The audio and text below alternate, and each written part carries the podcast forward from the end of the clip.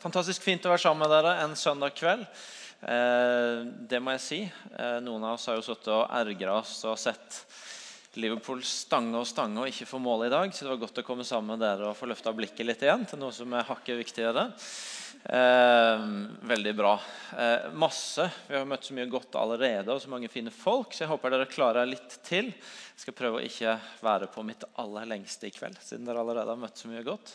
Eh, bare helt kjapt, På skjermen så sto det medlemskurs 28.1. Eh, det har for så vidt vært. Eventuelt er det litt lenge å vente til. Så eh, det er 28. april etter G11 hjemme hos familien Bruns for du som har lyst til å bli medlem her. Så vet du det skal gå i gang og tale, eh, men før det, bli med meg bare på en eh, liten bønn. Eh, vi sa det på mandag, vi sa det i formiddag, og vi har lyst til å be for det i kveld òg. Ei som vi er utrolig glad i på dette huset, som er på stab her og betyr masse for ungene og familiene våre. Marie eh, Helgen hun fikk i påska en veldig alvorlig kreftdiagnose, lungekreft, og er nå eh, i gang med cellegiftbehandling. og eh, siste jeg hørte i dag, var at etter at hun har vært veldig dårlig av behandlinga, så var det litt bedre i dag i formen. Eh, og Vi har bare lyst til å som menighet, som familie, storfamilie, fortsette å løfte Marie opp i bønn. Så før vi går på dagens tale, bli med meg og be for både hun og familien. Jesus, vi er så glad i Marie. Og vi syns det gjør ufattelig vondt at uh, hun har eh, havna midt oppi denne fortvilte situasjonen og blitt tatt så av sykdom. Vi kjenner på det både overfor henne og overfor eh, Jan og jentene hennes, Hege og Sunniva. Og Vi har lyst til å be deg nå om å komme og gripe inn i hennes situasjon og for den familien. Og gjøre henne helt frisk. Eh, og møte henne og Jan og Hege og Sunniva med din godhet midt i smerten og sjokket og det vonde som de nå står midt oppi. Vi tror at du er god, vi tror at du kan gripe inn, og vi ber deg om å gjøre det, far. Vi ber deg om det. Amen. Noen av dere som så uh, filmen 'Lincoln' når den gikk uh, på kino for litt siden? Han i været? Bare få se. Ja, det var noen. Det var ikke veldig mange. Da vil jeg bare si at Den anbefaler jeg, i hvert fall for de av dere som liker filmer med litt sånn historisk tilsnitt. Jeg synes Den var glimrende. Den forteller om uh, amerikanske presidenten Abraham Lincoln som Eh, er det forresten bare meg som sliter litt med uttalen på dette navnet? Jeg synes det er vanskelig å si det ordentlig. Lincoln. Ja, dere skjønner hvem jeg mener. Eh, for, amerikansk president som altså leda USA gjennom borgerkrig, var med på å få avskaffa slaveriet og står som en av de store, største amerikanske presidentene som mange den dag i dag henter inspirasjon fra, ser på som et forbilde. Uansett parti og eh, politisk retning så hører du at folk snakker om han som en av heltene Eh, i landet. Eh, en av historiene i historien om han er at han hadde en, en av sine betrodde menn. Det var en general som het McClellan, George McClellan. Eh, han kom inn og fikk stadig mer ansvar og innflytelse. Var på ett punkt øverstkommanderende for hele unionshæren. Hadde helt sikkert en del gode kvaliteter. eller Han hadde det. Han var veldig flink til å planlegge, veldig flink til å få opp moralen i hæren sin og i troppene sine. Eh, men han viste seg allikevel å være en av de tabbene eh, denne ellers veldig gode presidenten gjorde ved å knytte han så tett til seg. Fordi han, han var en som alltid forberedte seg og aldri var klar til å gå i strid. Han måtte alltid forberede mer, og han overvurderte alltid styrken til motstanderne. Og Han var egentlig aldri klar til å ta med seg disse troppene som han forberedte og forberedte og planlagte og planlagte med, ut i striden. Og Det kom til det punktet hvor eh, presidenten måtte ta fra han ansvaret. og det Historien forteller at eh, Lincoln var berykta for å ha sagt når det skjedde, at han sier til general McClellan eh, hvis ikke du har tenkt å bruke styrkene, så, så, skulle jeg gjerne ha lånt det litt en stund. For jeg har en krig jeg skal, eh, skal, vinne her. Så han måtte rett og slett avsette generalen og låne styrkene hans litt, sånn at noe skjedde. Forrige, ikke forrige søndag, men på mandag så hadde vi påskefest her i kirka. Vi hadde en eh, synes jeg, flott gudstjeneste hvor vi feira Jesu døde oppstandelse. Jostein Krogedal var her på besøk og forkynte til oss ut fra 1. Korinterbrev 15 om den oppstandende Jesus. Og han tok oss med inn i Paulus, som skriver om hvordan hvis ikke Jesus har stått opp, så er vi som tror på han, og som kaller oss kristne, Paulus sier de største dårer. Jostein oversatte det til gandalsk og sa eh, de største idioter i to sko. Eh, men poenget var i hvert fall at det er ikke mye å satse på dette vi er sammen om her i kveld, hvis ikke Jesus faktisk er stått opp. Men så argumenterer også Paulus for eh, hvor mange som fikk møte eh, den oppstandende Jesus. Eh, og han snakker om, han sier men så er da Kristus oppstått. Og Så stilte Jostein spørsmålet hva da? Hva hvis det faktisk stemmer? At nå er Kristus oppstått? Hva har det å si for våre liv? Og Det har jeg lyst til at vi bare skal fortsette å dykke litt inn i eh, denne kvelden. Når Jesus kommer til sine disipler igjen etter at han har stått opp, sånn som evangelisten Johannes forteller det, så fortelles det om at det er noen som kommer og treffer, finner ei tom grav. og De første får møte Jesus. Og så kommer historien om når Jesus møter sine disipler for første gang etter oppstandelsen. Eh, og de får mulighet til å forholde seg til at han er jo der. Han er ikke død lenger. Han står midt iblant dem. Og Da forteller evangelisten at Jesus sier til dem i Johannes 20, 21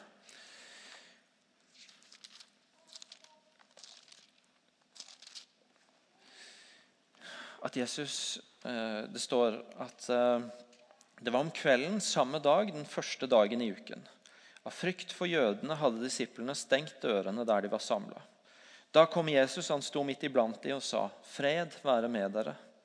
Og da han hadde sagt det, viste han de sine hender og sin side.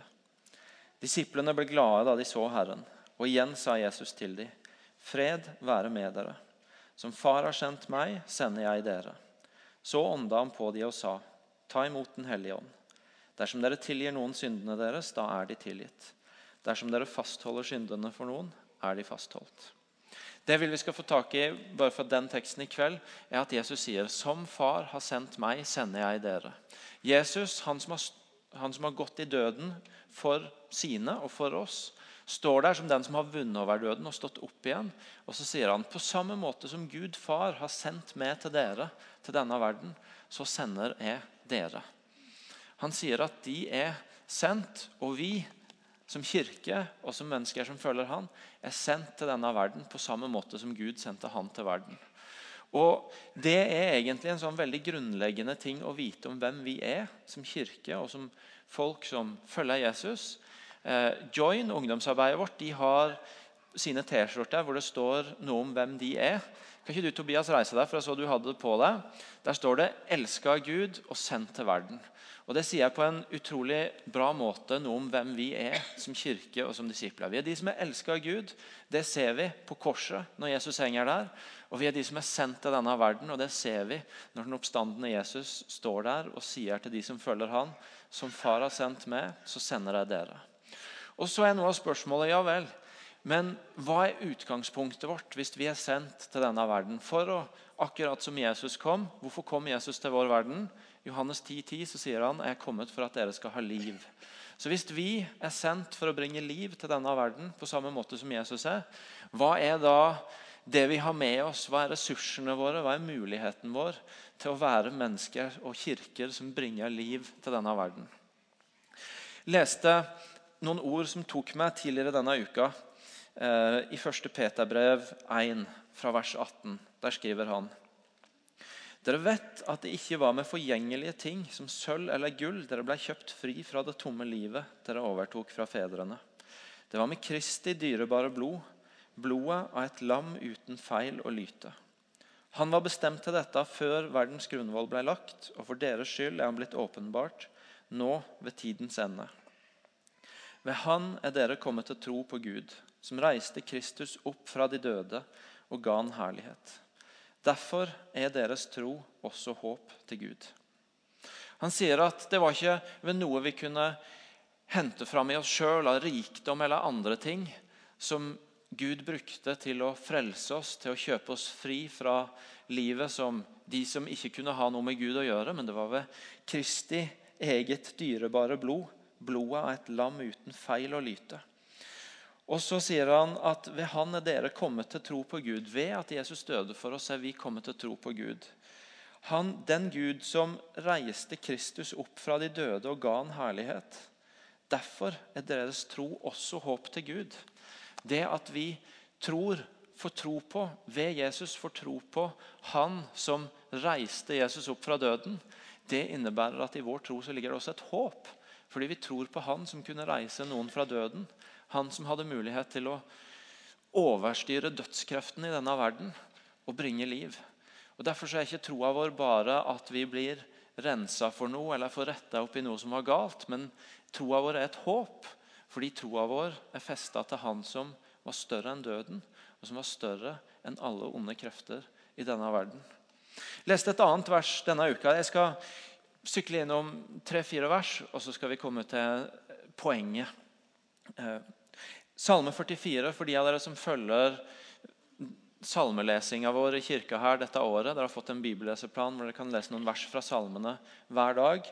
Salme 44 har det vært store deler av denne uka. I Salme 44, 44 så står det, snakker israelsfolket de minnes om når Gud ga de landet sitt. Og så sier de de tok ikke landet ved sverd. Deres egen arm ga ingen seier.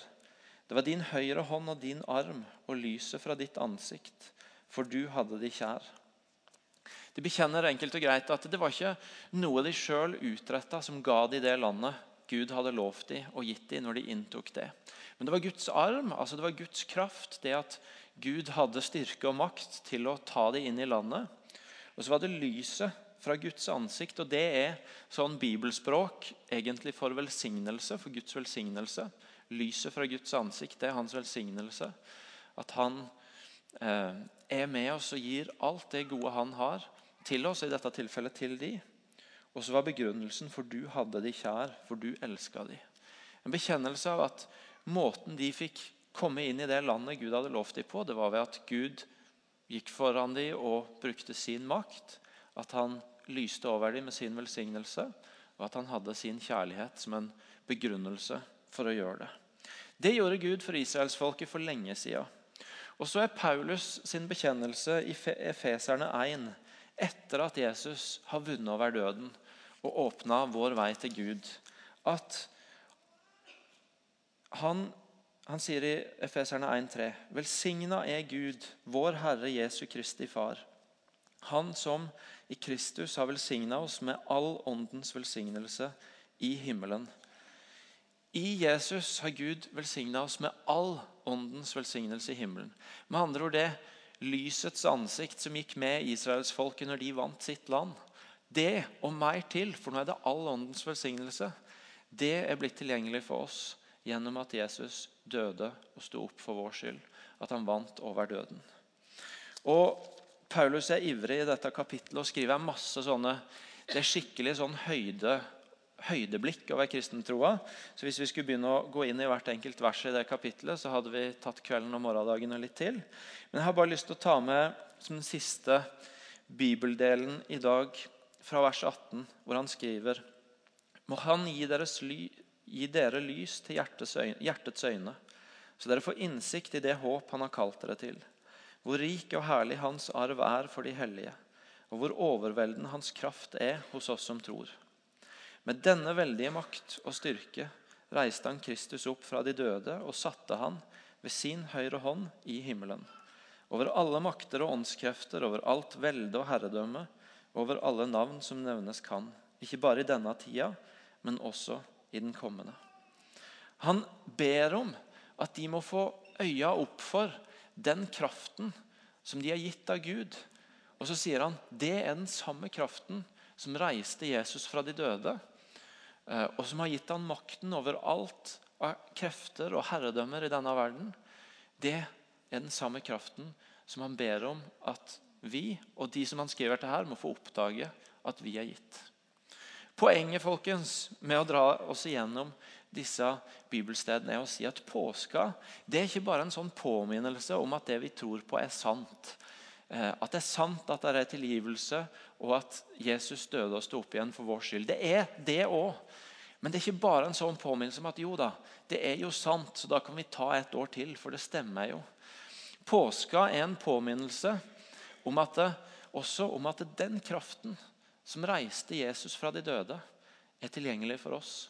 I kirka vår, i våre liv, i den virkeligheten vi lever i. Den kraften som gikk helt ned i dødsriket og så det dypeste av djevelskapen i hvitøyet og vant over det. Den kraften, sier Paulus, og ber han om at de må være oppmerksomme på, er tilgjengelig for oss i våre liv. Og Det er en helt vanvittig sannhet og det er en helt vanvittig oppdagelse som vi utfordres til å leve i og til å ta på alvor og til å holde opp i de utfordringene vi møter i våre liv. Noen av de utfordringene Martin inviterte oss til å be inn i i stad. At den samme kraften som vant over døden, som, eh, som så djevelskapen i hvitøyet og vant over det, den kraften er tilgjengelig i vår hverdag, i våre liv. Og jeg har ikke lyst til, Vi har ikke lyst til å ende opp der at en eller annen kommer til oss og sier du, hvis ikke dere har tenkt å bruke de styrkene, den kraften, så, så kunne jeg godt tenke meg å låne dem, fordi jeg har en del ting jeg skal utrette her. Nei, jeg har veldig lyst til at vi skal få tak i som kirke og som disipler at den kraften er tilgjengelig for oss. At det er noe av frimodigheten vår når vi står her og ber inn i utfordrende situasjoner, når vi møter noen av fjellene som fins i våre liv, når vi utfordres på å tro at noe av det som i våre øyne virker umulig, allikevel er mulig. Ikke med vår styrke, som israelsfolket sa i Salme 44, men med Guds arm og Guds velsignelse. Ved at Gud med hans kraft, som vant over døden, også kan gripe inn i våre liv. Og så har jeg lyst til å i kveld bare helt enkelt se på noen ting som kan være viktig for oss å, å tenke på og ta med oss når vi skal prøve å leve i og ta inn over oss det der vanvittige. At kraften som vant over døden sjøl, over djevelskapen sjøl, er tilgjengelig når vi ber om gjennombrudd, og om hjelp og om nytt mot og nytt liv i noen av de tinga vi møter i vår verden. Når vi forsøker å leve midt i denne verden som sendte, som skal bringe liv, akkurat som Jesus brakte liv. Og Det første jeg har lyst til å si noe om da, det har med fokus å gjøre hva som får fokus i våre liv, og hvordan vi forholder oss til det og gir fokus til at vi kjenner og tror på en levende Gud som faktisk har kraft til å vende død til liv. Jeg vet ikke åssen det er med dere. Jeg vet at For min egen del så er det så mange ting som kjemper om fokus i hodet mitt. Og, og, og Dette er ikke en sånn tale hvor jeg sier at eh, at alle de tinga der ute som skal ta sinnet vårt, alltid er så farlige. Det er mange, mange gode ting og spennende ting og, og, ting som kan være meningsfulle i seg sjøl. Men det er så mange ting som forsøker å, å, få min oppmerksomhet. Og jeg er ikke så veldig mye mer avansert skrudd sammen enn at ganske ofte så får det som er rett foran meg, eller som på en måte trenger seg inn i synsfeltet mitt, det får noe av mitt fokus, og det får være med på å sette noe av tonen for hvordan jeg møter den dagen jeg møter. Og Derfor så tror jeg at en av måtene som vi kan leve i at den kraften som vant over døden, er tilgjengelig i våre liv, det handler om at vi er bevisste på hva vi gir fokus til. At vi gir fokus til noen av de tingene som minner oss om at Gud er på vår side, at han er god, at han har kraft til å vende død til liv, og at vi kan be han om å gjøre det i de situasjonene vi møter. At vi er bevisste på å mate oss med noen av de tinga som holder oss på det sporet. Og bare For å være konkret, la meg nevne noen av de tinga jeg gjør i mitt liv. og bare si det med en gang. Du kommer helt garantert til å tenke når jeg sier det at ja, ja, men du er pastor Erling, og du har dette som jobben din. og Du har sikkert bedre tid enn meg, for du går ikke på andre jobber. men du sitter... Det er veldig gøy forresten å, å være pastor eller prest og snakke med folk som ikke jobber i kirker. For av og til så spør de ja, ja, hva gjør du egentlig når det ikke er søndag? Som om jeg bare sitter der oppe på kontoret mitt og venter på at det skal bli søndag igjen. Eh, dere kan spørre kona mi om hun syns jeg jobber lite og eh, bare sitter der og lurer. Eh, det skjer en del ting. Eh, men poenget var Det kan godt hende du tenker at eh, det er lett for du å si, du er pastor, men jeg skal si noe om det etterpå. Men noen enkle ting jeg gjør, er at jeg prøver å være bevisst på at når jeg starter dagen min, så starter jeg den med et enkelt ord fra Bibelen. Eh, før jeg sjekker Facebook og mail og alle de andre tinga som kommer inn til meg. Eh, og bare for å si det, jeg vet at eh, De som har lang fartstid i kristne sammenhenger, de har hørt sånne taler om at Gud er A-menneske og sånn, og blitt tatt varig skade av det fordi at de har hørt at du må bare bruke tid med Gud om morgenen, og så er du B-menneske sjøl og funker ikke helt om morgenen. Og, og så har det der blitt litt feil. Det er ikke det jeg sier. Jeg jeg sjøl har ikke så veldig salige stunder om morgenen med to små som ser på barne-TV og skal ha melk og skriker. og Det er egentlig veldig koselig. Nå bare fikk jeg det til å høres litt verre ut enn det var. Eh, men eh, Det er ikke det at jeg har så lange andagsstunder, men jeg prøver å være bevisst på at ett sted starter dagen min. Og det er med en kopp kaffe og et ord fra Bibelen før jeg går videre og åpner opp alle de andre inntrykka som kommer inn i hodet mitt og sinnet mitt. En annen ting jeg gjør, er at jeg er konstant på utkikk etter historier om ting Gud gjør. Vi har det sånn på stab i denne kirka her, at når vi har møter eller når vi har samlinger, så har vi aldri det uten at vi har et punkt hvor vi forteller om noe godt Gud har gjort siden sist. Noe som minner oss om at nettopp Gud kan virke, han kan gjøre gode ting. Og Som oftest så prøver jeg å skrive det ned, noen av de historiene jeg hører. Og så ender det stort sett alltid dagene mine i den samme stolen som jeg begynner dagen i, eh, og bare kikker over de notatene og minner meg på noe av det jeg hørte at Gud gjorde, har gjort, eh, som jeg fikk høre om i løpet av denne dagen. Jeg kikker jeg på ting som jeg får inn i mailboksen min. Det fins mange sånne fine, gode folk som er ute der og gjør gode ting og forteller om at de var med på steder hvor Gud helbreda, eller hvor folk ble kristne, eller hvor situasjoner ble snudd. Og Det går bare an å abonnere på mail eh, fra noen av de, og så får du av og til de tinga inn i mailboksen din. Og så, eh, og så, er det med på å minne meg om at å ja, eh, der var enda en historie om at Gud han griper jo inn, han gjør jo ting. Um, hvis du ikke vet hvor du skal begynne, så kan du begynne med Imi-kirkens nyhetsmail. for Vi prøver å begynne den med en historie hver søndag. Men det fins mange andre òg. Bill Johnson, Heidi Baker, mange forskjellige ting. Eh, hvis du vil ha tips, så bare sender du en mail til egilelling.imekirken.no, og så skal jeg gi deg noen hint om hvor du kan begynne.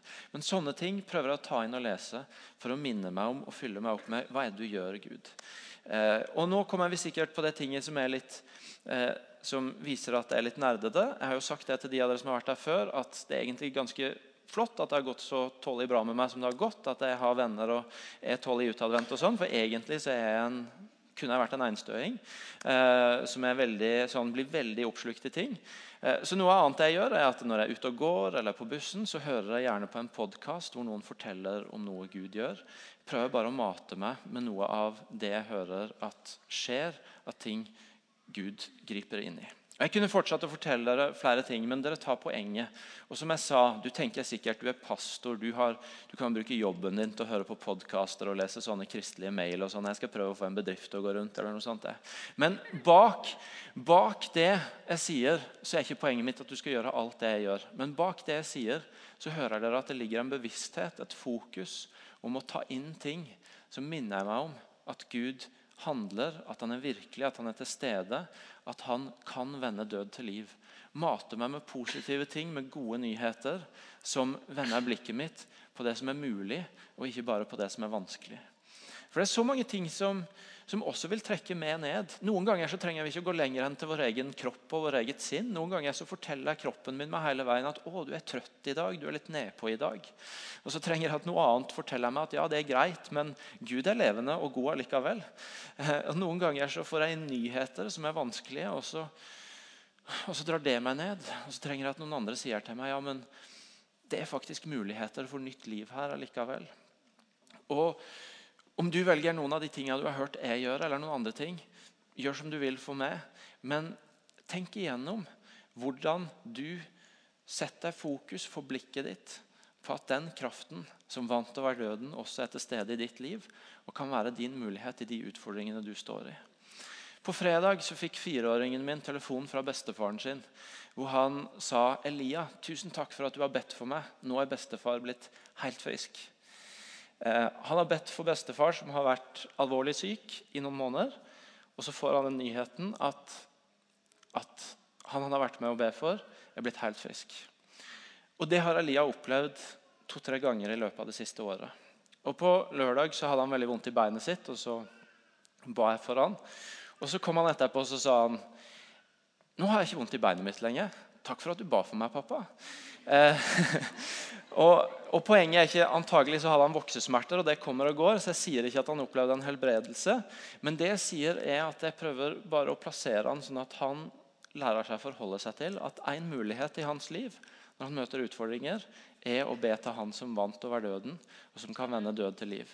Og Det er noe med det å plassere oss der hvor vi får holdt blikket vårt på at de kreftene er tilgjengelige i våre liv. Ok, Jeg sa jeg skulle prøve å ikke holde på lenge i kveld, så da må jeg rase gjennom de to siste tinga. Eh, det andre jeg bare har lyst til å adressere kort, er hva, hva, hva, hva vi gjør når vi har folk rundt oss som møter fjell i livet, og som har det tøft. Eh, Snakka om det med en gjeng eh, unge ledere jeg var sammen denne uka, som spurte ja, men hva, gjør vi når vi leder en gjeng og noen av dem har det tøft og vanskelig og ser mørkt på ting. Og vi, og vi, kom litt inn på hvor lett det kan bli til at når noen rundt oss har det tøft, så føler vi sjøl automatisk at vi må, vi må, sette oss ned på det stedet og, og, på en måte legge av oss litt av vår begeistring og vår, vår tro på at Gud kan gripe inn, og så på en måte være på, på linje med de for ikke å, ikke å være lite medfølende eller empatisk eller et eller annet sånt. Og Det er jo en misforståelse, for Bibelen sier 'bær hverandres byrder'. Noe av det Bibelen sier er at eh, Når noen av oss lider, så skal vi andre være med å bære og hjelpe de gjennom det. Og Det gjør vi ikke ved å bare sette oss ned. Vi skal selvfølgelig ha medfølelse og lytte, og alt det der, men det gjør vi jo ikke ved å legge til side de kreftene vi har til, rådighet, og, og si at nå skal jeg bare sitte her og være sammen med deg helt til det blir bra igjen. Men det gjør vi jo nettopp ved å være de som holder fast at i det vonde du opplever nå, så har jeg lyst til å være den som holder oppe livsmuligheten. Som ber for deg, som, som bærer deg til Gud hvis du ikke finner veien ditt sjøl. Og som, som, er den som hjelper deg til å få tak i at de samme kreftene som vant over døden, er også en mulighet til å vende død til liv i de utfordringene du står i. Det er ikke bare, det er ikke meningen at vi bare skal på en måte sette oss ved sida og, og, vente på at det blir bra, og, og, i frykt for å ikke være medfølende nok legge til side det vi er gitt. Men vi skal nettopp bruke kraften vi er gitt, til å bære hverandre og til å løfte hverandre fram når noen møter noe tøft. Av og til, Jeg har opplevd det noen ganger at, at jeg har stått ved siden av noen som har vært i, i kjempeutfordrende situasjoner. også. Og så har jeg på en måte blitt litt tatt av det, og jeg har ikke visst hvordan jeg skulle nærme meg det annet enn ved å lytte og stille spørsmål og si at jeg føler jeg med. Og så plutselig kommer det en eller annen inn fra sida, og, og, så bare kjører han på og ber for de, og får et ord fra Gud inn til de kanskje, og Plutselig så snur situasjonen seg. Og så er jo det fantastisk. Men så er det litt sånn, å, søren òg. Hvorfor var det ikke jeg som gjorde det? Jeg hadde jo stått der lenge. Og Noen ganger er det sånn at det, det er bra at noen andre må komme inn. Men noen ganger så lurer jeg på om det også er litt sånn at det, eh, det kommer noen inn fra sider og sier at eh, hvis ikke du har tenkt å bruke de styrkene der, så, så, vil jeg gjerne låne de litt, for jeg har tenkt å hjelpe de her. Eh, og Jeg tror bare vi er utfordra på å ikke bare lytte og følge med, selv om vi skal gjøre det òg, men vi også være de som bærer hverandre, som aktiverer livskreftene for hverandre når ikke vi kan helt få det til sjøl. Til slutt, hva gjør vi når vi skuffes? Hva gjør vi når vi ber og ber, og det ikke skjer noe? Og vi ikke har alle svarene? Eh, jeg skal ikke tale i kveld om hva som er forklaringa på hvorfor ikke noe skjer. Jeg skal bare si at eh, det er i hvert fall ingen hjelp i å la nederlaget bli til det stedet vi parkerer og slår oss til ro og tenker at ok, da kan vi ikke prøve igjen. Eh, det er en klok mann som har sagt at når når det ikke skjer noe og vi ikke forstår noe, så skylder han ikke på Gud. Han skylder ikke på de som blir bedt for, han skylder ikke på seg sjøl. Men han går inn i Guds nærvær og blir der helt til han finner hvile. Um, og Det er noe av den greia med at det kan være så fristende for oss når vi ber og ber og, og skuffes og, og føler ikke at vi kommer igjennom, så tenker vi at ok, jeg prøvde, og det gikk ikke. Da gir jeg meg. Og Så sier jeg Martin, som er far her i huset, at uh, det er alltid for tidlig å gi opp. Og det har jeg også lyst til å si til oss i kveld. Det er alltid for tidlig å gi opp. Um, og, Og vi har lov til å klage, vi har lov til å være sinte, vi har lov til å grine, vi har lov til å være dønn ærlige som vi skal snakke om, på at dette er vanskelig. Men la oss ikke gi opp. La oss ikke la nederlaget bli til sluttpunktet. Men la oss holde ut og fortsette å stå sammen og kjempe til vi kommer igjennom. Det er mange ting som vi som kirke skulle ønske var annerledes. Og det er mange ting vi lurer på. Hvorfor fikk vi ikke gjennombrudd der? Eh, og selvfølgelig lurer vi akkurat nå veldig på hvorfor ei av de vi er så glad i, ligger på sykehuset med en sykdom som truer opp på livet. Og Vi har ikke svarene på hvorfor det er sånn, men vi holder fast i løftet om at den kraften som vant over døden, og som vendte død til liv, er tilgjengelig for oss. Og Så fortsetter vi å be og så fortsetter vi å kjempe. Fordi det er ikke noe bedre alternativ å slå seg til ro med at vi ikke vant, at vi ikke kom igjennom. Og så ser vi ofte at når vi fortsetter å kjempe, så gir Gud oss nye gjennombrudd neste gang eller ved neste korsvei. Og Det er budskapet mitt til oss i kveld. Det er at eh, vi er, Denne kirka er en kirke som har fått mye. Og alle har vi fått det aller viktigste. Og det er kraften til Han som vant over døden. Den er tilgjengelig i mitt liv, den er tilgjengelig i ditt liv, den er tilgjengelig i dette fellesskapets liv. Og Derfor har jeg lyst til at vi i kveld skal gjøre et par ting på slutten av talen. Det første jeg har lyst til at vi skal gjøre Nå nå ber jeg en kort bønn, og så er det litt stille. Og så har jeg lyst til å utfordre du på å tenke hva er det i uka som kommer, hvor jeg kan ta med meg inn i mitt liv og min hverdag at jeg går med kraften som reiste Jesus fra de døde, i min hverdag. Hva er det jeg kan ta med meg? Hvilken situasjon, hvilken utfordring er det jeg kan ta med meg det inn i og be det inn i? Og Så skal Eivind og gjengen lede oss i en bekjennelse om det han akkurat nå har snakka om. Og så skal vi bare be inn i noen konkrete situasjoner som jeg tror Gud har minnet meg om, og som jeg tror angår noen av dere her i kveld. Jesus, jeg takker deg for at du kom og sa at som far har sendt meg, sender jeg dere. For at du har sendt oss til denne verden med et livsbudskap. Akkurat som du kom med liv, så ønsker du å sende oss med liv. Jeg takker deg for at den kraften som vant over djevelen og dødskreftene, den sier du at er vår mulighet i de utfordringene vi står i. Og Vi kommer her i kveld som mennesker som, som har spørsmål, som har utfordringer, som ikke vet alle svar, men som har lyst til å ta imot den utfordringa det er å forholde oss til at så vilt er dette budskapet.